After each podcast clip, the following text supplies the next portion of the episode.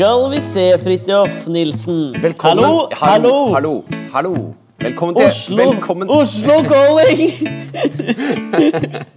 velkommen til Alex og Fritjofs podkast. Vi sender nå eh, altså direkte fra Italia slash Oslo.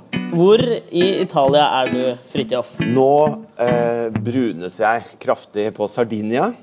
Oi! Så jeg sitter, Er- jeg sitter jeg feil i, i eh, frokostsalen på La Playa hotell i Algero, Sardinia. Jeg så det, Nå kom det en liten italiener gående bak deg. Han så veldig rart på deg. Eller så så han jo rart på meg. For det er jo jeg som er på din skjerm. Uh, scusi, uh, I spoke to the people in reception. We're making a radio. Uh, uh, if if I can sit here, okay. But in reception, they said it was okay. Yes, in the reception. No, but I spoke to. Uh, Okay, you said yeah. okay, grazie. Jeg liker, det Grunnen til at han ga opp, var at han ikke skjønte engelsk. Jepp. Og det Ja. er uh, ikke første gang jeg har opplevd her i Italia, for å si det sånn. Altså, Jeg hater italienere uh, fra bunnen av mitt hjerte, men jeg har jo også vært på Sardinia, og jeg føler at de skiller seg litt fra andre italienere. På en eller annen måte mer sympatiske. Øysamfunn, er det forklaringen? Nei, eh, jeg vet ikke. Men jeg har møtt masse hyggelige mennesker. Men det er litt sånn Altså, Katrine hadde bursdag i går, og jeg skulle inn og kjøpe gavepapir. For jeg hadde jo med gavene, men jeg hadde ikke fått pakka inn den siste gaven. Oi, så var jeg, Hva ga du? eh, hun fikk masse treningstøy, et par eh, Nike joggesko. Eh, Og et hint. Bli tynnere. Nei, hun ønska seg det. okay. Hun er jo så vakker allerede at det trenger hun ikke Ja. i det hele tatt. Nydelig. Og så ga jeg henne et par eh, solbriller og et, et sånt headset som jeg har på meg nå, bare i hvit. Sennheiser. Du så veldig, det var veldig fine gaver. Ja, jeg syns det, altså. Men i hvert fall Jeg også så skal jeg, jeg skal kjøpe sånn innpakningspapir. Og da eh, kom jeg inn på en sånn typisk sånn Her er det ingen turister-type butikk. Og, Ok. og da prøvde jeg å si altså, gift, wrapping, present, eh, presenta eh, Ja. Prøvde alt, da. Hun bare sto sånn og rista på huet og så på meg sånn derre Du vet, når blikket bare oser sånn Du er tjukk i huet, du. Ja. Og så sa hun bare Ne capiche'. Ne capiche. Fy faen. Så- Så jævla arrogante fuckfaces, ass. Ja, men eh, her på øya har jeg hittil bare møtt ett jævla arrogant fuckface, og det var hun dama på jernvarehandleren. Jeg legger merke til en annen ting. Nå tar du en slurk av en sånn typisk sånn ferieflaske med vann. Evian eller noe sånt, eller? Eh, Det var, det, det var ikke det jeg la merke til, altså. Men det jeg legger merke til, er at du har eh, ikledd deg hodeplagget caps. det, er, det må være den første gang jeg ser deg med caps. jeg kler det. Du har på deg caps, i hvert fall. Ja, er Den er, den er brun, og så er den, eh, den Du kunne liksom sklidd inn i en tegneserie. Altså en sånn Dennis eller noe sånt. Nå. Ja, ja men det, altså, det er jo sånn når vi nordiske folk kommer til et sted hvor sola står rett over huet på deg, Ja. Så har du valget kjøpe deg caps eller smøre inn håret med solkrem. Og da valgte jeg å kjøpe caps. Ja, nei, men du vet du hva, du, eh, du kommer unna med det. Fordi du har en faderlig aura. Og da er det en sånn pragmatisk innstilling til det å kle seg. Tror jeg det kommer med det å få barn. Okidok. Ja! Ja, forrige uke så hadde vi jo et slags eh, liten sånn spørsmål-svar-greie hvor alt dreide seg om meg. Denne uken Ja. er det unge, lovende, nyklipte, bleike Alexander Nyhagen som står for tur. Ja, det stemmer. Jeg har, ikke, jeg har gruet meg litt til dette her, altså. Ja, Uh, du, jeg følte at du var så godt forberedt, og jeg føler, meg, jeg føler ikke at jeg uh, er så innmari godt forberedt i det hele tatt. Men jeg skal prøve å levere gode svar, underholdende svar. Bare du leverer uh, praktfull underholdning, så er alle sikkert kjempefornøyd. Ja, men da skal jeg prøve å gjøre det. Ja. Jeg så også vi hadde fått en mail fra bitre Linn Bjørnslett i løpet av uka som gikk, og hun, hun var så skuffa over den uh, plingelyden vi satte opp uh, for hvert spørsmål, og ville helst at vi skulle droppe den. Nå må du finne en ny lyd, og den skal være litt mer irriterende, sånn at Linn blir enda surere på oss. Enda litt mer irriterende lyd. Det skal jeg klare å få til. Ja. Skal vi begynne? Okay. Det kan vi gjøre. Ja. Hva er din idé av perfekt lykke? Du, Det har jeg faktisk et svar på, tror jeg. Eller jeg tror jeg har to svar på det spørsmålet. Men, Men- de dreier Før du begynner nå Da jeg Ja. starta dette, så det første du sa, var at nå skal jeg ikke ha noe sånn jævla TenSing-svar. Og jeg Ja. forventer ikke noe TenSing-svar fra deg. Det jeg forventer fra deg, som er kanskje enda verre, er Ja. et sånt, eh, et sånt gjennomtenkt 'hva skal jeg si for å være kul'-svar. Det vil jeg ikke ha. Jeg skal ha bunnsolid ærlighet. Jo, men jeg tror Hvis jeg hadde forberedt meg mer, så hadde du nok fått det der eh, prøve å være kul-svaret. Men nå er jeg bare meg sjøl 110% Og det som er jeg har, jeg har, jeg har, Det er to ting, og dette har jeg liksom Jeg tror jeg snakka med deg om det før òg. Altså, Uansett så er det på en fredag, for det er udiskutabelt den beste dagen i uka, i året, i livet, liksom. Så da okay. fredag, sånn rundt klokka fem, og så veit du at du ikke har noen forpliktelser en hel helg. Kanskje, du og- kanskje det til og med er en oval weekend. Og så har du en avtale om å møte noen venner og ta noen øl, og de kommer sånn rundt klokka fem på en fredag, hvor du bare kan sitte ute, og det er sol og sommer. Og du, du Ja, det, takk, det, var, det var svar én. Det syns jeg er helt nydelig. Da er jeg lykkelig. Okay. Eller Men, men det det du sier nå, det legger jo til Ja. grunn for at livet ditt klaffer. Altså, jeg tror ikke, jeg tror ikke en eh, syrisk flyktning har det sånn Hvis det kommer noen kompiser over med en øl klokka fem på en fredag, så er det perfekt lykke. Alt er perfekt, liksom. Nei, men det var jo for meg, og mitt liv er jo helt uh, nydelig om dagen. Fy faen. Men Vi så må ha motstand! Det må være motstand et sted. Jo, men den andre, eh, den, den andre tingen som jeg virkelig syns er så jævlig topp, som jeg tror vi har prata om i podkasten før, men jeg må bare gjenta det, det er hvis du, har middag, du, du skal ha middagsgjester på en fredag, så har du liksom gått litt tidlig fra jobb, eller så jobber du som programleder, så du bare er ikke på jobb. Og så Livet er jobben. ja. Og så har du liksom vært ute og handla inn, planlagt litt hva du skal lage, og det er kanskje noe nytt, så du er liksom litt gira på å teste det. Og så veit du at de kommer kanskje sånn klokka åtte. kommer de. Og da når du har sittet, når du har liksom jobba litt, drukket noen øl, kanskje noen glass med vin liksom før de kommer, og mens du lager maten, og så kvart på åtte til åtte, hvor alt er klart. Men du har liksom satt på favorittspillelista, og du står der, alt er klart. Du bare dekker litt på, drikker litt mer, begynner å finne liksom sånn den sosiale tonen du skal legge for kvelden. Det er så nydelig! Jeg skjønner hvor du vil hen. Men skal jeg Ja. komme med et tips, da? Ja. Ut fra hva du har sagt nå, så kan du faktisk oppnå perfekt lykke. Hvis du inviterer folk til middag klokka fem på en fredag, og så begynner du klokka to å drikke, da, kvart på fem, så piker du, Aleksander. Vi snakkes neste fredag. Hva er din største frykt? Eh, Rent skal bortsett fra alt. ja, ja, nå skal jeg være Altså, det er i utgangspunktet sånn Hvis man skal ta det ned, så er jo Dette vet jo du at jeg er ekstremt redd for alt som skjer under vann. Det er et element jeg ikke er komfortabel med. Altså, Jeg satt og så på en sånn derre Du, du er redd for hai i Oslofjorden. Ja, jeg er, Du er jeg, altså, nesten jeg er redd for hai når du dusjer hjemme. Ja, jeg er redd for hai i svømmehall. Jeg tenker på det, liksom. men, men det er liksom ikke skal, Nå skal jeg være alvorlig. Fordi altså, I går så ble jeg ferdig med en bok som heter uh, 'Skynda at elska', som er han Alex Schulman. Han som har en sånn podkast og hadde Tørnquist-show i Sverige og sånn. Som har skrevet en sånn slags autofiksjon om uh, sin egen far. Eh, Allan Schulman, som var en sånn legendarisk Kan ikke du forklare ordet autofiksjon? Nei, altså At han bruker sitt eget liv, da, men pynter litt på. Litt sånn som Knausgård skriver. da. Ok. Det er litt sånn autofiksjon. Jeg skjønner. Um, og så har han skrevet om faren sin, Allan Schulman, som var sånn TV-produsent i Sverige. Han, han lagde alle programmene til en ganske sånn legendarisk programleder i Sverige som het Lennart Hyland. Jeg tror, altså En type sånn Tande P-fyr i Sverige, liksom. Ja. Og han var veldig gammel da han fikk eh, sin, sånn, sin sine nye barn var gift to ganger. ikke sant?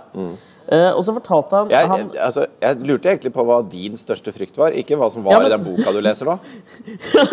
Det kommer til saken. okay. Dette er et resonnement. Eh, og han sier der på et tidspunkt, når han er på en måte i ferd med å dø, han faren, eh, så sier han det at, den, altså at dødsangsten hans blir ikke noe bedre jo eldre han blir. Og det tror jeg er min største frykt eh, i livet. er At jeg kommer til å bli en sånn fyr som ligger på et eldresenter eller på et sykehus og roper sånne derre dødsskrik. Så, altså, altså, at jeg er så redd for å daue, liksom. Det tror jeg er min aller største frykt. Og kreft. Ja, Så hai, kreft og, og dødsangst, rett og slett. ja. Men hvis du må velge en, da? Jeg blir hai. Jeg blir hai, da.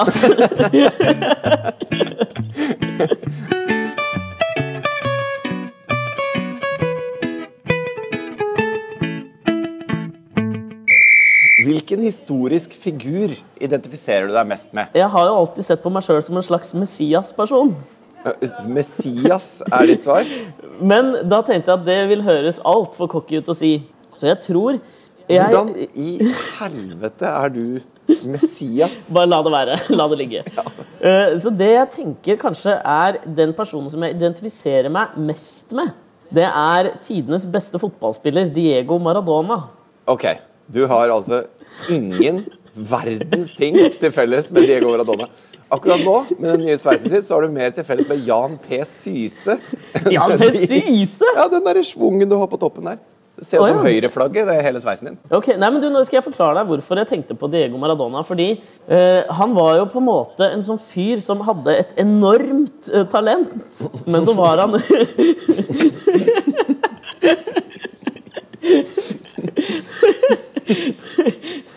Men så var det... Da spruta jeg vann utover hele laptopen her fordi Ja, jo, Ja. altså Han hadde et enormt talent, men så var han rett og slett bare for glad i livet til at, at han kunne eldes og formid, for, foredle det på den beste mulige måten. Så jeg føler liksom Akkurat nå så er jeg liksom Maradona. Jeg har akkurat forlatt Boca Juniors. Har begynt å spille for Barcelona. Snart kommer liksom Napoli-perioden min og Du- VM 1986. Det er meg nå. Jeg er på den samme Ikke for å sprekke bobla di her nå, Alex, okay. men innen, innen han var på din alder, så Ja. hadde han utrettet hva da? Han hadde jo vunnet noe VM og spilt i en del klubber. Fått skattefritak i Napoli. Og- Fått en egen kirke oppkalt etter seg. Altså en egen religion oppkalt etter seg i Argentina. Og et eget tårn med kokain oppkalt etter seg. Han var Ja, han på full fart nedover innen han var på din alder. Ja, ja, kanskje det. Men jeg bare tror at jeg kommer til å på en måte crash and burn på samme måte som Diego Maradona. Jeg har en tro om at jeg kommer til å utrette noen flotte ting i livet. Og så kommer jeg til å liksom ende som en sånn manager i en Jeg tror nå er han sånn manager i en klubb i De forente arabiske emirater eller noe nå- sånt. Og der kommer jeg til å ende, jeg òg. Nå er han en flopp. Ja, ja. Han brant og det kommer jeg til altfor å bli og det Ok, ja, men det, jeg skjønner. Så det er hans Det er det- Ikke hans, eh, hans hand of God du identifiserer deg med, men det er Jo, hans evne godt- til å kan- floppe i eldre alder. Ja, det òg. Men jeg kan godt også jukse for å oppnå noe veldig fint. Det er et sjarmerende karaktertrekk. Vi går videre. Ja. Bortsett fra at du føler at du eh, gjerne jukser for å oppnå det du vil. Eh, hvilket karaktertrekk er det du hater dypest i deg selv? Nå skal jeg være litt selvransakende og, og innrømme at jeg er nok Jeg er nok litt pysete. Eller vent, jeg er ikke pysete. Altså, det jeg Eh, gjør, at jeg jo, det er du. Ok. Ja, men altså nå skal du høre, for dette, Jeg har nevnt dette litt før, men jeg har prøvd å analysere meg sjøl. Altså, det jeg greia mi, er at jeg sier au før jeg vet om det gjør vondt. Så jeg er mer en sånn uvane, det der. Så jeg anser Jeg har nevnt dette før, men jeg sier det igjen. Jeg anser meg selv som denne karakteren eh, Haller i Steppeulven-boka til Herman Hesse. Og dette er at jeg sier au, det kommer ikke Det er ikke pga. noen sånn mangler i min natur. Tvert imot så tror jeg det skyldes disharmonien i min store rikdom av evner og krefter. Jeg er et lidelsesgeni eh, i sånn betydning som man finner hos Nietzsche. Og jeg har bygget opp en sånn genial og ubegrenset og kanskje litt forferdelig evne til lidelse i meg selv. Nei, du er en jævla pyse. Bare, du, må bare innrømme det. Altså, Ja, du, er sånn som, du er sånn som små barn. Hvor de, de sier au i det øyeblikket de merker at noe er borte igjen. Altså, mm. Uansett om det er smerte involvert eller ikke. Og så sjekker de, og hvis det er noen synlige skader, så må de hjem og legge seg. Ja, det er litt sånn, altså. Det er sånn. Altså, det er den ene tingen, men det er en annen ting jeg, jeg liksom har begynt å mislike litt i meg sjøl òg. Men jeg, jeg liker det litt òg. Ok? Og det er at jeg tror jeg er en litt sånn åndssnobbete type. Og i det så føler jeg meg bedre enn ganske mange andre mennesker på jorden. Nå toucher vi fordi at det, altså, Når vi begynte å jobbe sammen for tre og et halvt år siden Er ikke det tre og et halvt år siden? Det føles som en evighet. Jeg vet ikke om det er positivt eller negativt. Tiden flyr når man har det. ja. Meget gøy. Ja, kjempegøy. Ja. Men i hvert fall så, så hadde du en hel masse sånne holdninger som var veldig sånn åndssnobbete. ja, det er helt Og så har jeg prøvd å skrelle de av deg. Hør på Messias, da. Jo, men, jo, men det er bare fordi at jeg, jeg er jo ikke så snobbete av meg. Nei.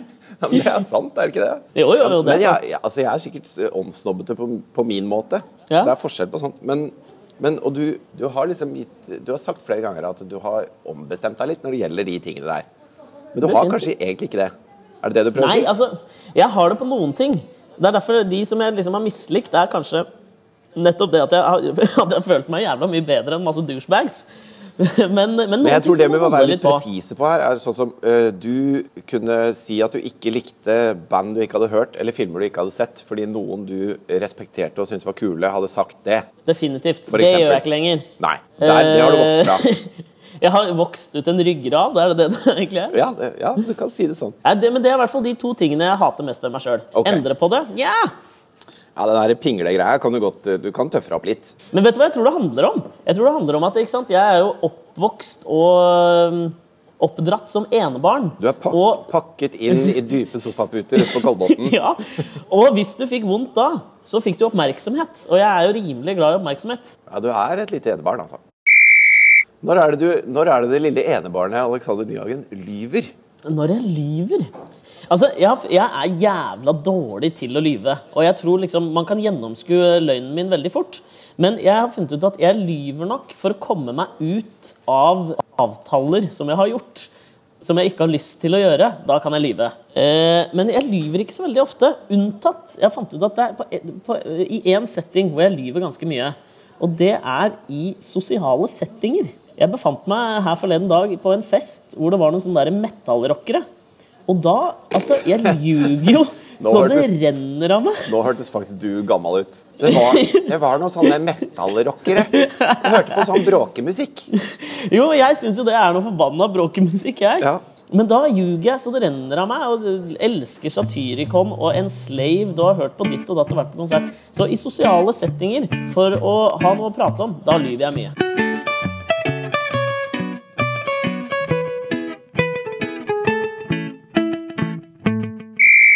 Hvilken egenskap avskyr du mest hos andre? Jeg har et uh, ordentlig svar, som bare er litt sånn kjedelig. Og så har jeg noe jeg har irritert meg over jævla mye i det siste. Hvilken vil du ha først? Nei, altså Du har jo en evne til å irritere deg over ting som ikke finnes irriterende. Så Ja. ta, den, ta den ordentlig først, og så få det der tullet Alex irriterer seg over etterpå. Ja. Det var faktisk eh, Det var en fest som eh, du og jeg og din kjæreste Katrine blant annet var på for en stund siden. Jeg skal ikke si hvilken, for da kommer alle til å skjønne med en gang hvem det var. Men da sitter jeg og prater med Katrine og en person til. Og så, når Katrine prater, så lar den andre, altså den tredje personen i den samtalen vi har pågående, begynner å se bort og lete etter den neste personen den skal prate med i den sosiale settingen.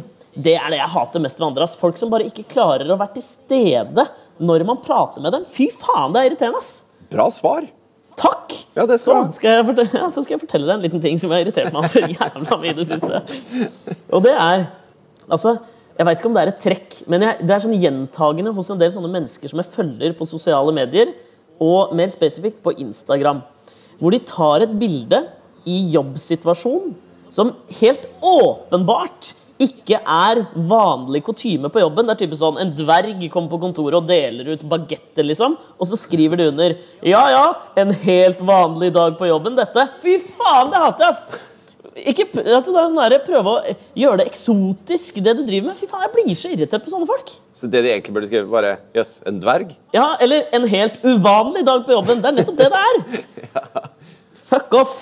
Jo, men eh, altså eh, Jeg er på jobb nå, på en måte. Jeg sitter i en frokostsal i Italia. Jeg har en helt vanlig dag på jobben. Ja, men ikke sant, Hvis du skriver det, så hadde du tatt et bilde av deg sjøl. Ja, ja, en helt vanlig dag på jobben, podkastinnspilling på Sardinia. He-he, blinkesmilefjes, tommel opp. Fy faen, da hadde jeg hata deg litt, ass. Ja. Men du hadde blitt glad i meg igjen? Ja, ja. Ja, ja. Ok. Jeg glemmer fort. Hvilken egenskap syns du er mest overvurdert? Det å være mystisk. Altså sånne mystiske menn. Altså, det er sånn derre Altså, jeg har et eksempel på en fyr jeg mener er mystisk, som jeg hater, liksom. Og det er sånn derre Johnny Depp-ish mystikk. Gå med sånne Fedora-hatter, indianersmykker og bare være sykt interessert i Hunter S. Thompson. Eh, Det gjør deg ikke spesiell bare fordi du er stille. Altså, jeg har en teori om at alle mystiske menn de er ikke mystiske, de er bare jævla kjedelige. Det er jo mye lettere å bare holde kjeft enn å liksom levere innhold og være interessant. Du er ikke interessant med- bare fordi du er stille. Hva med mystiske damer, da? Nei, liker ikke det heller. Samme hvilket kjønn. Ja. Men nå hang jeg meg litt opp i Johnny Depp her, for jeg satt og så på en sånn video på YouTube. Og jeg liksom sånn som var fra Han betalte begravelsen til Hunter S. Thompson. Han, altså Hunter S. Thompson som forfatter, Ja. som har skrevet liksom uh, 'Frykt og avsky i Las Vegas' og ja, Ja, ja. Diaries og sånn, som Johnny Depp har spilt i. Altså, de ble liksom gode kompiser.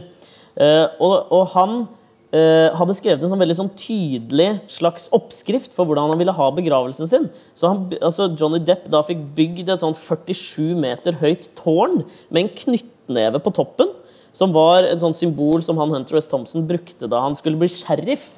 Eller han eh, prøvde å bli sheriff i Aspen på 70-tallet en gang. Okay. Og, så, og der oppå det tårnet igjen så var det en kanon som skøyt ut asken hans mens det var liksom rødt og blått og grønt og fyrverkeri som bare skøyt opp i dette er jo ikke mystisk, det er jo dritfett. Nei, det er det jeg mener! Det er jo dritkult, men det var jo hans idé. Og så føler jeg at Johnny Depp bare liksom ved å betale for det, så bare håper han at noe av liksom sånn Den coolnessen og det det bare rubber off på han, da, så han kan liksom bare lene seg tilbake og være den mystiske kompisen. Og det der, det hater jeg, ass! Noe av den coolnessen bare rubber off. jeg så eh, Tim Burton, vet du. Som har Ja. regissert en del Coraline og Nightmare on eh, 44th Street. Ja, jeg tror det er det. Ja. Og eh, noen filmer med Johnny Depp. Eh, Ja. Han og Johnny Depp var på besøk hos han, eh, han talkshow-verten i England som ikke klarer å si R. Altså Jonathan Ross. Jonathan Ross. Ja. og, så, og så sier Jonathan Ross så sier han sånn Ja, ehm, hvorfor, hvorfor er dere så jævla weird, begge to? Og så, og så sier da Så sier Johnny Depp, sikkert for å være kult, så bare Well, I don't know what weird is really, man. Og så, men svaret til Jonathan Ross er så jævlig bra, da. For da peker han på Johnny Depp og sier han Det er akkurat sånn som du er. Det er det som er å være weird. Men åh, jeg syns det liksom blir så påtatt hos han. Skjønner du hva jeg mener? Ja. Altså at, at alle som liksom er mystiske, de prøver å være det. Og da er det ikke mystisk lenger. Og at ikke flere mennesker klarer å liksom se gjennom den jævla kjedelige mystikken, det, det, det syns jeg altså, Så det mystikk Jævla overvurdert egenskap, ass. Og stor pikk. Du henger deg på den, ja. Jeg gjør det. Må jo det. Men du er jo ikke så veldig mystisk. Du er en veldig, Ikke i det hele tatt. veldig sånn jovial, blid, umystisk fyr. Jeg føler meg heller ikke Ja. spesielt mystisk. Eh, Nei. jeg hadde en kompis oppe i Trondheim som, eh, som hadde litt sånn trøbbel på damefronten. Altså Han klarte mm. ikke helt å dra de damene han var hypp på. Og så syntes han alltid at det var de kule, mystiske gutta som tok med seg de damene hjem. Så han hadde en sånn Åh, jeg føler med han, ass. Ja. Og han var litt sånn derre Det var liksom ikke Han var ikke noe mystisk, da. Nei, nei.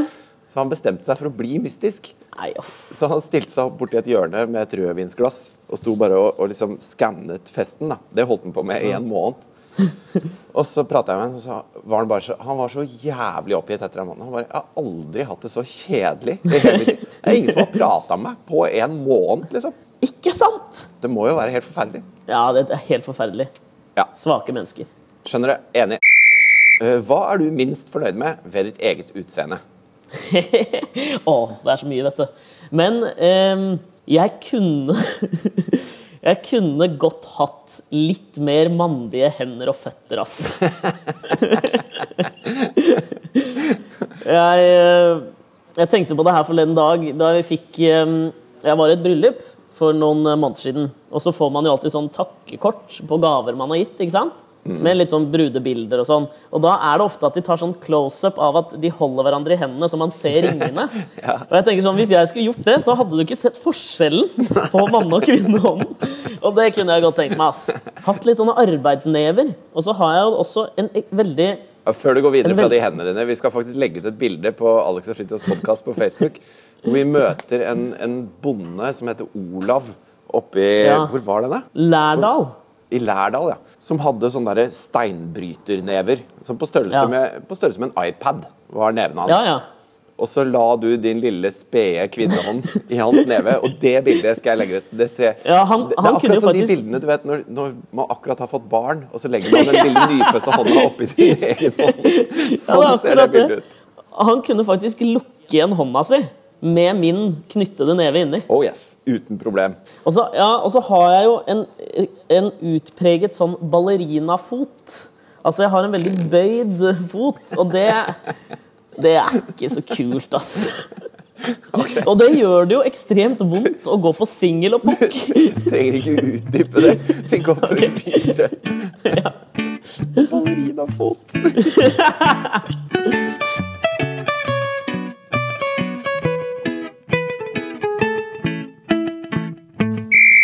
Hvilke ord eller fraser bruker du for mye? Du, nå har jeg sittet og Fordi jeg har ikke hørt på så mange av våre podkaster eh, i det siste. Så jeg tok og hørte gjennom det for å, å se om det er noe jeg sier. I forrige podkast kom vi fram til at en frase jeg brukte jævla mye, var 'jack of all trades, master of none'. Ja, det bruker du en. Um, Men eh, har du hørt på 43 podkaster for å forberede deg til dette? her? Nei, nei, jeg hørte på et par-tre stykker. Ok. Og det jeg tror jeg definitivt sier oftest, Mm. og jeg tror du kan kjenne deg litt igjen i å bruke det òg, det er ordet narsissistisk. Det er du veldig opptatt av. Det bruker du hele tiden. altså, og det er jo på en eller annen metanivå narsissistisk å si narsissistisk. Veldig. Og en annen ting du gjør veldig mye, er når du ja. launcher ut i et sånt langt resonnement, og så ser Ja. du at du kanskje mister publikum litt. Ja. og så prøver du å gjøre det eh, eh, Og så prøver du å lage en sånn vri på slutten. Og for å redde det hele inn med en slags sånn komikk, så sier du sånn Ja. Takk for meg! jeg veit det! og da vet man at du har følt at dette gikk ikke helt som planlagt da jeg starta på det resonnementet her. Åh, gjennomsiktighet. Du, tenk deg det, Nå kommer alle til å vite det at hvis jeg sier det, ikke sant, så føler jeg at jeg har crashed and burn. Takk for meg! Takk for meg! En annen ting du sier, er at du ser helt smashing ut. Det sier du mye. ikke til Ja, meg, det da. gjør jeg. Ja, det, ja, det gjør jeg faktisk. En god del. ass. Smashing. Smashing. Hva er det du angrer mest på her i verden? Vet du hva? Det tenkte jeg litt på. Der har jeg ikke noe svar. Eh, fordi jeg mener at livet er en slags kumulativ prosess. Altså, Jeg har dårlig samvittighet for masse, men det er ingenting jeg har gjort som jeg liksom Jeg kan ikke angre på noe som har ført meg opp på den pidestallen jeg er i dag. Takk for meg! Jeg tenker på sånn herre uh, En ting som jeg angrer litt på, er når jeg går ja, Det handla ikke om meg, dette her. Vi går videre. Jeg liker hvordan du sømløst bare dro det over til deg igjen. Narsissistisk gjort. Ja. Takk for deg. Nok om meg. Hva eller hvem er ditt livs største kjærlighet? Mamma, pappa og kjæresten min Mari. Å, du er søt, da. Hvilket talent eh, vil du mest Nå sitter jeg og oversetter fra engelsk. hvilket, hvilket talent skulle du ønske at du hadde? Når jeg ser på deg nå, så jeg veit ikke om det er et talent, men jeg kunne godt tenke meg å kunne, altså det å kunne kle caps og hatter. Det er et eh, talent jeg gjerne kunne tenkt meg å ha. Men jeg tror det jeg helst kunne tenkt meg å ha Så prøver du å si at jeg kler den. Ja, du kler den. Ja, takk. Takk. Du ser smashing ut. Takk for deg. Takk for meg. Uh, nei, altså, jeg var, um, jeg var på en sånn fest uh, her forleden fredag.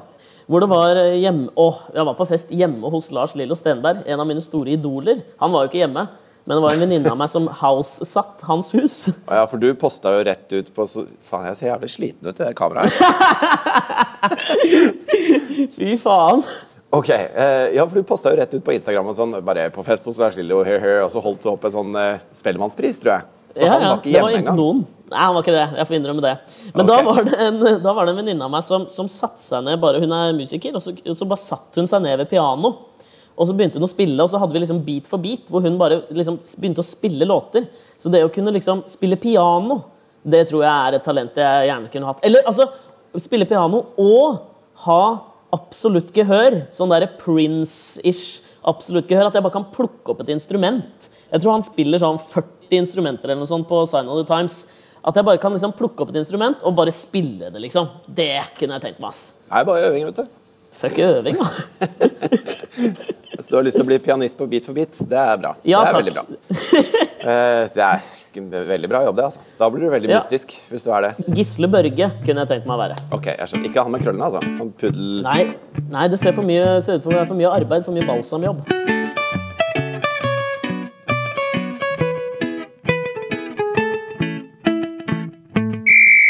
Hva er din nåværende sinnstilstand?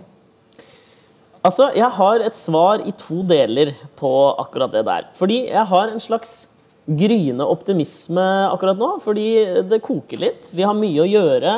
Det er liksom på vei inn i ferie, så jeg er veldig sånn glad og blid, og det er gøy, og alt er topp. Samtidig så var jeg hos frisøren i går. Og det trekker det hele litt ned. Ass. De, det, det der å dra fra frisøren og dagen etter du er nyklipt, det er faen meg de jævligste dagene i livet, ass. Faen, du har det bra. Hva, hva er det som er så jævlig med å være nyklipt? Nei, fordi at jeg føler man blir en ny person. Jeg får en ny persona med en ny sveis, og da må jeg liksom bli kjent med den personen. Jeg våkna opp, starta dagen i dag med å stirre på meg sjøl i speilet i ti minutter, og jeg veit ikke om jeg likte han jeg møtte. Dette er de kulhetsvarene jeg ville unngå. Det derre eh, Ja, det lille Nietzsche i meg føler bla, bla, bla. Altså, når du kommer med sånne derre eh, analyser Bare Hva? Det er ikke en analyse! Hva er din nåværende tils- sinnstilstand? var spørsmålet. Og du klarer å si at det, man har det aldri jævligere i livet når man står og ser på den nye personen man har blitt fordi man har klippet seg hos en frisør på Grünerløkka og sikkert betalt 800 spenn for det. Mens man 900. fremdeles ser ut som Jan P. Syse på huet, da. Vi går videre. Ok. Hvis du kunne endre én ting med deg selv, hva vil det være? Jeg blir så ekstremt fort flau. Det kunne jeg godt tenkt meg å endre litt på. Det er jo din store eksempel. styrke. Ja, Mener du det, eller? Ja. Jeg bruk, altså, vi har jo skapt en karriere på at jeg gjør deg flau. ja, det er for så vidt sant. Men ja, fordi I karrieresammenheng så er det litt sånn greit, men i sosiale settinger så kan det noen ganger være veldig slitsomt. Jeg var jo da hos frisøren i går. Og Der opplevde jeg en sånn ting som gjorde meg ekstremt flau. Og så finner jeg på sånne teite ting for å komme ut av det. Eh, Jeg skulle da bli klippet av min faste frisørdame, Lena.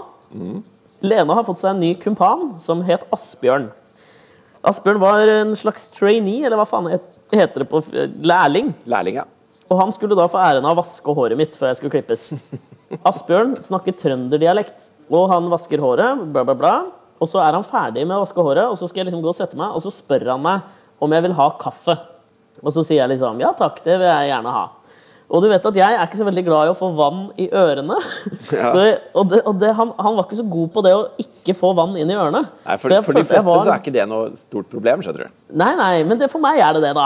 Ok, ja. Uh, og, så jeg var liksom litt sånn åh, dro, holdt på å gjøre. Og så spør han meg om et eller annet i forbindelse med kaffen som jeg skjønner ikke hva han sier. Og så sier jeg liksom 'hæ?' Og så sier han det en gang til. Skriver du du, skjønner du med? Og så sier jeg liksom 'hæ?' Og så sier han det en gang til. Så. Og så skjønner jeg hva han sier, og så blir jeg så flau at jeg ikke tør å spørre en gang til hva det er han sa. Så jeg faker at telefonen min ringer, og plukker den opp og sier liksom 'hallo'. Og så sier jeg bare, bare tar en svart kaffe, for å liksom ha et sånt generisk svar på, som kan liksom funke til alt av det han har spurt om. Og, så bare la, og da har jeg en femminutters samtale, fordi jeg føler at jeg kan ikke legge på sånn fort etterpå. Hvem var det du lot som du prata med? Det var deg. Var det meg? ja. Hva snakka vi om? Du vi snakka om de nye kontorene vi skal flytte inn i. Hadde jeg noen knallharde meninger i den fronten, eller? Ja, du hadde noen knallharde meninger om gulvet. Ok, jeg skjønner. Det utvikla seg nesten til en krangel. Ja, Som jeg da tapte, eller? Ja da, med brakk og bram. Men, men det som eh, Fordi at den Altså, Hvis jeg skal tegne et sånt lite bilde av deg, da. Så dette med at du fort blir flau, at du har Ja. sånne eh, ballerinaføtter og damehender, at du, eh, at du ikke liker folk som er mystiske og alt mulig sånn. Alle disse tingene til sammen eh, spiller opp til den ene egenskapen som du pusher i trynet på alle du møter. Hva er det? At du er søt. Pusher! Ja, Du går for å være han søte, liksom. Du elsker å være han søte. Svar skyldig. Så du har ikke lyst til å forandre dette, her, for du digger å være han søte. Ja, jeg gjør egentlig det. Ja, vi går videre. Ja. Hvis du døde og ble gjenfødt som en person eller en ting, hva, hva eller hvem tror du det ville være? Tror jeg, eller kan jeg få lov å ønske hva det var? Få høre begge deler. Eh, Jeg tror jeg kunne blitt eh, gjenfødt som en eh, En søt liten nei, altså- hundevalp, kanskje? ja, det var akkurat det jeg hadde tenkt å si. Eller en koalabjørn. Nei, altså det jeg hadde hatt lyst til å bli gjenfødt som, det var liksom en sånn Koalaer er Eh, jævlig kresne i matveien. da. Ja, det er jo ikke jeg. Nei. men det, det jeg har lyst til å bli gjenfødt som, hvis jeg kunne velge, da, det er en ung forfatter som akkurat har debutert til sånn international acclaim og liksom stor suksess, samtidig vel vitende om at jeg liksom har fem romaner inni meg som bare er kickass mye bedre enn den jeg allerede har gitt ut. Å være på akkurat det punktet i en karriere, det syns jeg hadde vært digg, ass. Eller nei, kanskje en musiker. En musiker på akkurat samme, i akkurat samme har gitt ut liksom debutplata, og så bare veit at dette, bare, dette kommer til å eksplodere. Dette kommer til å bli bare kickass. Så du har lyst til å være en, en blanding av Dan Brown og Jarle Bernhoft? Ja, men med en Dan Brown. Ikke Dan Brown, men med en slags undergrunnsappell samtidig, liksom. Ja, Gabriel Garcia Marquez og Jarle Bernhoft, eksempel? Du skal ha Jarle Bernhoft inn i miksen, ja. Det er greit, det. ja, eller jeg bare lurer, da.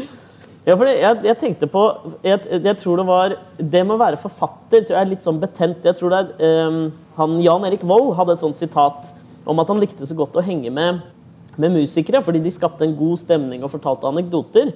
Mens forfattere derimot, de visste at de kunne få nobelprisen. Og det er den Jeg vil ikke liksom bikke over til å bli sånn pretensiøs, men liksom heller være i kontakt med liksom En slags sånn Bruce Bringsteen-kontakt med folket, samtidig som jeg har en, en sånn jævla trampoline av en karriere foran meg, liksom. Nå skal jeg gi deg en, en stor bøtte med isvann, for det fortjener du akkurat nå.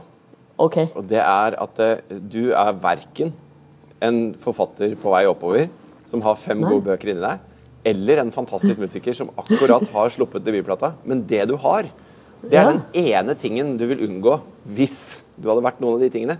For det du sa nå, var noe av det mest pretensiøse jeg har hørt. Ja, kanskje, ass. Så du det har, du har den tingen du ikke vil ha med de tingene. Du bare har ikke de bra. Fuck. Men jeg kan jo velge. Det er jo jeg som skal komme tilbake. Jeg skjønner. Du, jeg er nødt til å tisse litt. Eh, Går det fint? Skal vi trykke off record? Ja. Én, to, tre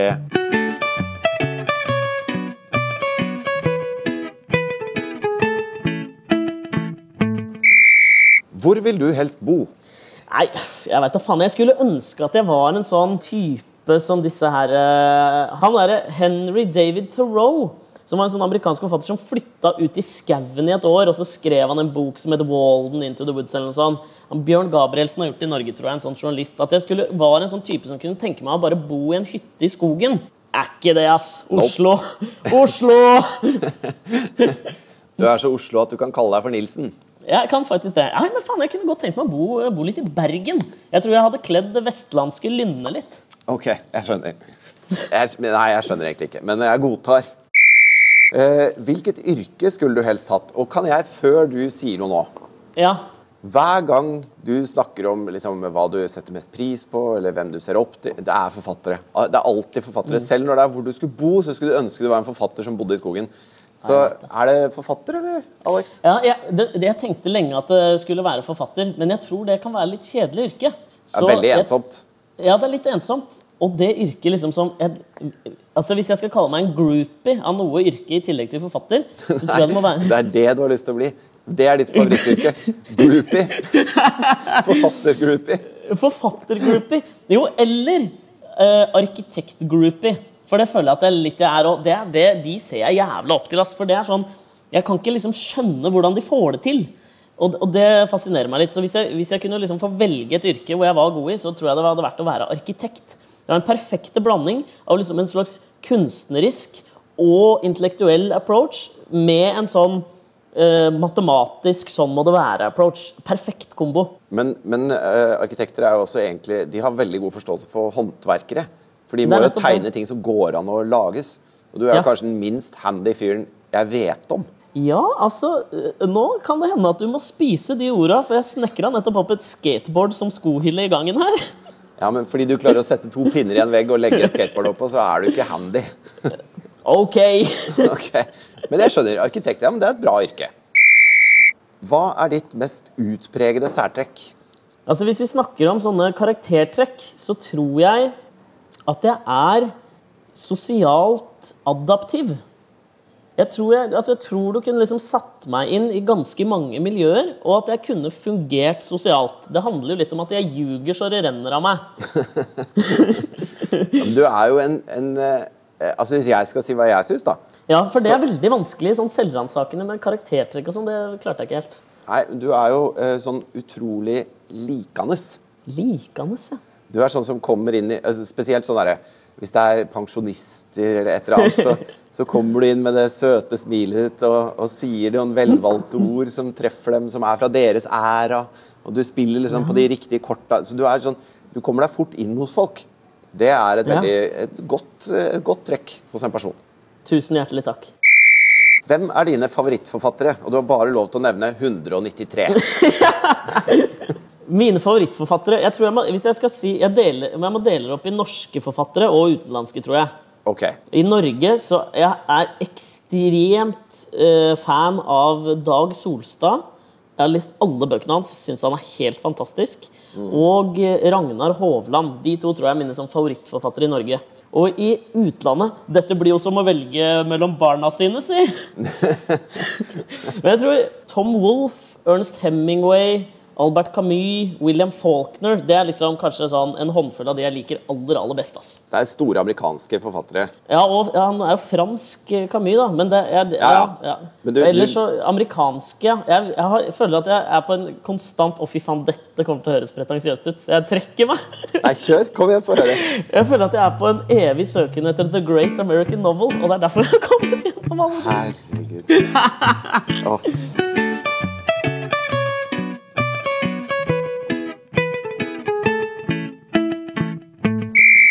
Hvem er din største fiksjonshelt? En som jeg, fordi Det der er litt vanskelig. Jeg tenker sånn, En gang man tenker på fiksjonsserier, så tenker jeg på sånn superhelter og sånn, men det har jeg så jævla lite peiling på. Nei, men Det er jo tror- også en, en litterær person. Kan Ja, det det, det er det jeg tenker, og det tror jeg er det jeg har kommet fram til. At min sånn favorittfyr er Sherlock Holmes. Ja, men han er kul.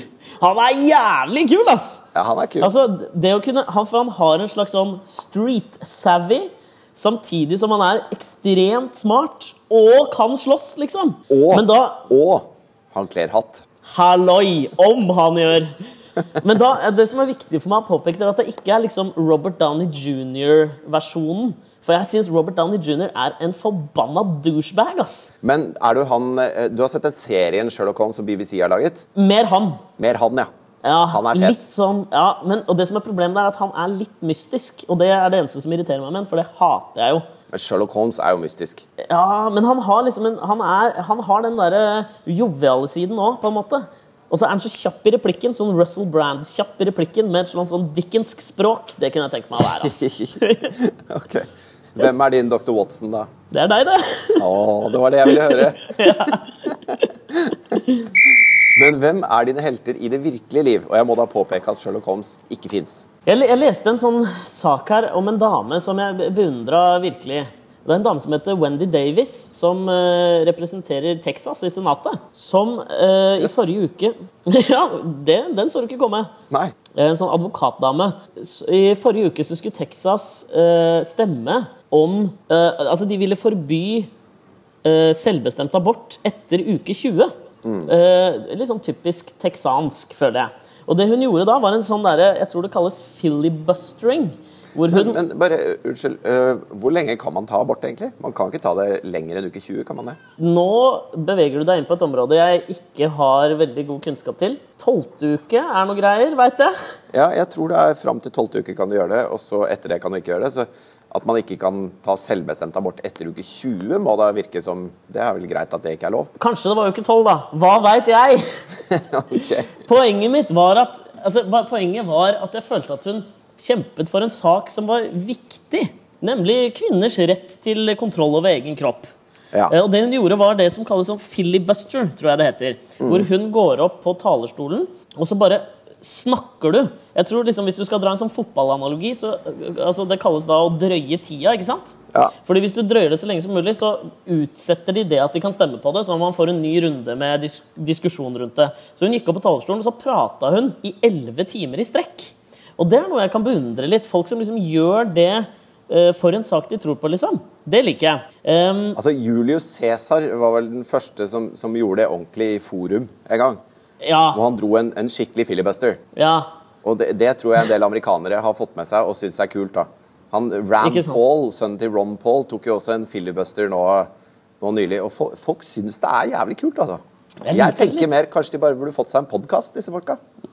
ja. Vanskelig å endre lover gjennom podkast, men hei. Ja, noen prøver. Men så er det altså, en fyr som jeg virkelig er sånn Som er liksom en liten sånn helt av meg, og dette tror jeg du kan kjenne igjen. Jeg har tre personer her som jeg har tenkt på, skjønner du. Okay. Nummer to er Sigge Eklund. Ja, jeg skjønner. Oi! Er det hundekamp hos deg? Nei, det var bare en, en, eh, en, eh, en sånn gatebikkje som løp forbi utafor ja. eh, Nei, ja, Sigge Eklund, den, en svensk fyr. Ja. som eh, Altså, det er bare alt ved fyren, da. Han er, han, er, han er veldig smart. Han er en gründer, Ja. har grunnlagt flere forskjellige ting hvor alt har gått bra. Han er forfatter. Mm. Han er litt sånn eh, bakmann i Medie-Sverige, som alle respekterer Ja. veldig. Han Ja. ser bra ut, har en vakker kone, har noen vellykkede barn. Eh, ting funker, liksom. Ja, det er bare sånn, Hvis jeg kunne bytta liv med deg, kompis, da hadde, bare, da hadde jeg vært fornøyd. ass. Så han er en liten sånn helt, eh, en liten helt av meg, altså. Ja.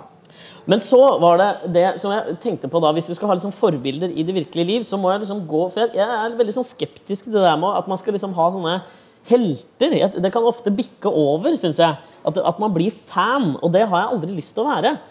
Uh, så da begynte jeg å tenke litt på sånne karaktertrekk som jeg liksom ser veldig opp til. Og da kom jeg over en fyr. Ja, det, jeg syns det er litt interessant dette at du, at du sliter med å definere noen som helter. At du må kalle dem forbilder. Ja, jeg, jeg, jeg liker ikke liksom begrepet helter. Men det tror jeg er den lille narsissisten i deg. For at når du når du kaller det forbilder, så betyr det at det er noe du kan strebe etter og aspirere mot, og kanskje til og med nå. Mens hvis du kaller de helter, så setter du dem i en annen liga. Da, da står Ja. de på fjelltoppen og roper ut et eller annet som du bare må høre på. Fordi at disse Ja. menneskene er store og viktige. Og du finner deg ikke i at noen er større og viktigere enn deg. Altså Alle er jo større enn deg, du er jo ganske liten av vekst. Men du finner deg ikke i at noen kan være helter. Nei, det gjør jeg ikke. Og så tror Det jeg er litt usjarmerende ved deg. Jo, men jeg, altså, jeg tror det er litt motivert fra at jeg heller ikke tror det er så jævla sunt. Jeg tror det er sunnere å se på folk som forbilder, for, for da kan man nettopp liksom strekke seg etter dem. Og vi vil jo alle aspirere til noe større, vil vi ikke? Jo, men vi er ikke alle Nelson Mandela eller Desmond Tutu Nei, vi- på en måte. Vi trenger ikke det heller. Og da kommer jeg til mitt, eh, mitt siste eksempel på liksom mennesker som jeg ser litt opp til. Og det er folk som på en måte klarer å Altså Som går glipp av noe stort, men som går videre. Og det å liksom vende blad Jeg har prata om det i podkasten noen ganger før. Ja, det det At man ikke lar seg liksom definere av noen store hendelser i livet. Og så leste jeg en sånn sak om en fyr som heter Jason Everman. En amerikaner som var en sånn skikkelig problemkid da han var liten og ble sendt til psykolog, men psykologen hadde bare gitarer, så han lærte seg å spille gitar. Eh, og så begynte han å jobbe på en fisketråler. I utgangspunktet en merkelig psykolog. Veldig merkelig Han psykolog. Det hjalp ikke så mye. han gikk til musikklæreren sin, han, rett og slett. Han gjorde det. Veldig dyre musikktimer. Garantert. ja.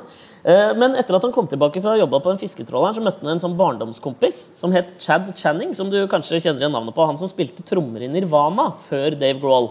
Ja. Og så var Nirvana Trodde da jeg et øyeblikk at det var Chad fra Nickelback, men det var ikke Nei, det var ikke det. Nei. Uh, og da mangla Nirvana en, en andre gitarist. Og så spurte de da han eh, Jason Everman, da. Og han hadde tjent jævlig mye penger uh, som ved å jobbe på den fisketråleren. Og da, skyldte, da hadde de akkurat spilt inn den Bleach-plata, så de skyldte da 600 dollar som det hadde å spille inn den. Og han hadde jo tjent masse penger, så de sa hvis du betaler den, liksom, så får du være med i bandet. Han betalte den, og de, han fikk bli med i bandet. De begynte å turnere og var liksom i ferd med å slå igjennom. ikke sant? Ja. Og så ble han bare griseforbanna, og de ble uvenner. Kansellerte turneen midt i. Han fikk sparken. To år senere, bam! Nirvana blir liksom verdens største band. Det der Bleach-albumet solgte vel liksom flere milliarder kopier. Ja. Og han var liksom sånn Han var den som nesten klarte det. Og det men det som skjedde rett etter det igjen nå, det var jo at Soundgarden eh, var på leting etter en ny bassist. For de hadde akkurat signa med et sånt eh, stort label. Og så de, hadde de gitt ut den første plata si. Jeg husker ikke hva den heter. Bad Motorfinger. Nei, det var den første plata på det store altså på, Var det A&M Records eller noe sånt? Louder Than Love. Og så eh, slutta bassisten til Soundgarden. Soundgarden. Og så fikk han giggen da, til å spille med Soundgarden. Så han reiste, reiste ut på turné igjen med dem. Og dette var tror jeg sånn, kanskje i 1989-1990.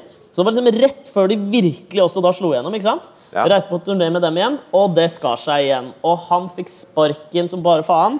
Året etter, bam! Soundgarden slår igjennom, selger liksom 30 millioner album. Og han står igjen der og bare sånn Ja, en gang spilte jeg det. Men det han gjør da, da er at han begynner å trene som bare pokker. Og så blir han, altså verver han seg til militæret. Og han blir en helt rå soldat. da. Og blir eh, sånn soldat i det Special Forces. Så han reiser til Latin-Amerika, Afghanistan, Irak. Og ikke det at jeg støtter det, da. Men han, liksom, han redefinerer seg sjøl. Han, liksom, han har gått glipp av de to største suksessene på 90-tallet, men han bare gønner videre og liksom blir tidenes beste soldat. Altså, det, det der er noe jeg kan liksom respektere. Og det ser jeg litt opp til. Ass. For jeg tror jeg hadde bare begynt å drikke og ta dop og dødd hvis jeg hadde liksom visst at jeg kunne vært, jeg kunne vært gitarist i Nirvana eller bassist i Soundgarden. Men nei da. Uff, nå fikk jeg litt vondt inni meg. Jeg tror du kjente deg igjen. Nei, men eh, vi hadde sånn der greie med at eh, Altså eh, Blokkparty drev og varma opp for oss. Kødder du, eller? Nei. Vi spilte med Arctic Monkeys på en turné før de slo igjennom. Eh, vi spilte med Snow Patrol. Kjenner de gutta godt? Ja. Altså, alle som varma opp for oss, eller som vi spilte sammen med, har blitt kjempesvære. Og hvor er jeg? Jeg sitter på et hotell i Italia og lager podkast med en liten, en liten søt narsissist i andre enden. Faen meg. Kanskje jeg bare skal reise til Irak, jeg òg.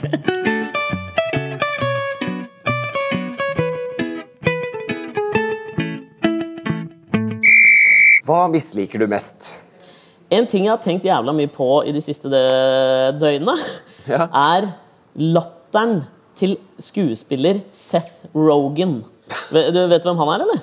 Ja, jeg vet hvem det Ja, er. Kanadisk skuespiller. Han spilte liksom Superbad, eh, alle de der eh, Pineapple Express, Green Hornet. Han er en av den der Judd Apatow-gjengen, ikke sant? Ja. For jeg mener, altså Den latteren er det jeg tror jeg misliker mest av alt på jord akkurat nå. Og Det er ikke fordi jeg hater Seth Rogan så jævla mye, men har du hørt den? Altså, jeg Kanskje vi nå- skal jeg, jeg kan ikke eh, sette fingeren på det. Kanskje vi skal eh, finne den og legge den Vi ut her nå? legger inn Ja, fordi det, dette jeg satt i går kveld, skjønner du. Og det var derfor jeg ikke fikk forberedt meg sånn megagodt. For jeg ble sittende og høre på uh, Laughter Mashups på YouTube av Seth Rogans latter. Okay. Så vi kan legge inn en liten sånn mashup nå. Bra timing på den bikkja.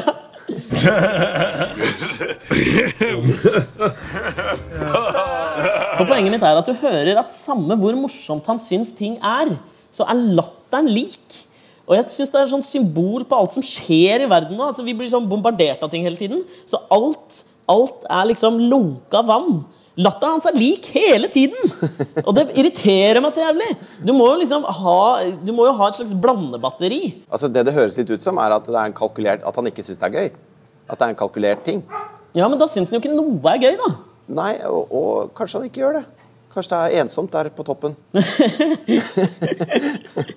Men så det er, altså, Antitesen til hans latter Det er latteren til Jeff Garlin, en komiker fra USA som har en podkast som jeg anbefaler alle å sjekke ut.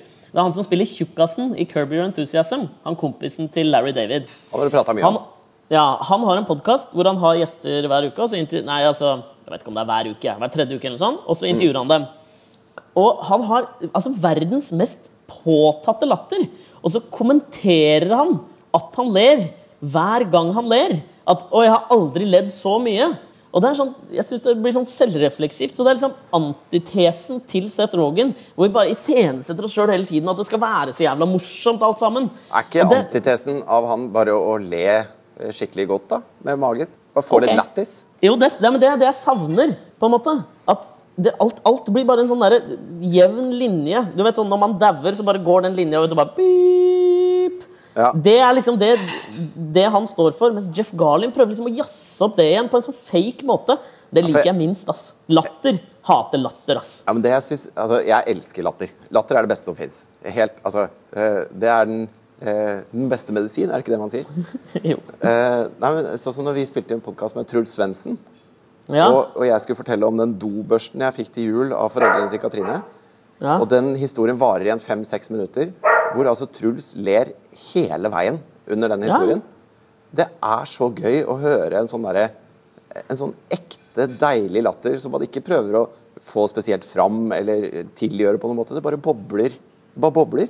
Da, Ja, når man er hører sånn latter, så klarer man ikke la være å le sjøl. Helt enig. Og det er det begge de to gutta, takk for meg, altså ødelegger, syns jeg. da. Det er det jeg liker minst. Ja. ass. Jeg beklager at det er en bikkje som driver og bjeffer i bak. Det får jeg ikke gjort noe med, rett og slett. Den er snill, Nei, men den bjeffer hele tida. det går så fint. Hvordan vil du helst dø, Alexander Nyhagen? Det der er et eh, Jeg liker ikke å gå inn i det der greiene der, ass. Får en angst av å prate om det. Um, Kan jeg men komme med et forslag? At, ja, takk. Uten angst. Mm. Ja, altså. Det var forslaget! Jeg tror jeg, altså Hvis jeg kunne velge, så tror jeg jeg vil få påvist en sånn eh, En sykdom som gjør at jeg kommer til å dø i løpet av tre måneder. eh, som ikke gjør at jeg visner hen, men som bare er sånn bam! Da veit du at du får en dato. Da skal jeg dø. Dagen hvor det skal skje, så tar jeg et sånt fallskjermhopp over Stillehavet, og så har jeg med meg en håndgranat, og så sprenger jeg meg sjøl i lufta over Stillehavet. Bam! Så Hunter S. Thomsen av deg? Takk. Ja, men det Sånn vil jeg også at du skal dø. Kan jeg se på, eller? Du kan få tandemhoppe med meg. Nei, det har jeg ikke lyst til. uh, helt sånn avslutningsvis, har du et motto, eller? Always be yourself. Unless you can be Batman, then always be Batman. Ok, Hvem er det sitat fra? Har ingen anelse. Nei, men Det var deilig å bli eh, enda litt bedre kjent med deg. Nå Er det noe som har, er det noe som har overraska deg? Ja, akkurat nå er hodet mitt så fullt av, av deg at, eh, at jeg klarer ikke å peke på en bestemt ting som har overraska meg. Nei, jeg syns du har Altså, jeg synes at jeg har lest deg ganske presist gjennom tre og et halvt år, og at du har vært ærlig med deg selv i dette her. Så det, det fortjener et klapp på skulderen. Jo, men takk skal du ha, du. Eh, Så håper jeg at dere som har eh, lyttet til dette her, også syns det var interessant. Send oss gjerne mail Ja. på alexogfritjof.gmail.com, eller lik oss på Facebook, eller eh, legg ut sånn bilde på wine Nei, Vine! Ja, kanskje du skal ta den regla, du. Legg ut et bilde på Instagram. Hashtag Alex og Fritjofs podkast. Det kommer stadig mer der. altså. Jeg er inne og liker alt. Jeg følger med på den hashtaggen. Det syns jeg er innmari koselig. Og hvis noen har hørt på så lenge, ah, tusen hjertelig takk, ass. Vi høres neste uke. Hvor og, er du da?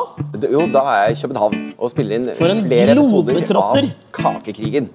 Gleder du deg, eller gruer du deg til det? Nei, det blir kjempegøy. Jeg gleder meg. Er så positiv. Er det ikke deiligere å ha ferie, liksom? Jo, men eh, altså Hvis du er i eh, Skandinavias metropol og får kake hele tiden, og sola skinner, det, det er en slags ferie, det òg. Takk for at dere hørte på, folkens. Ha det bra. Ha det.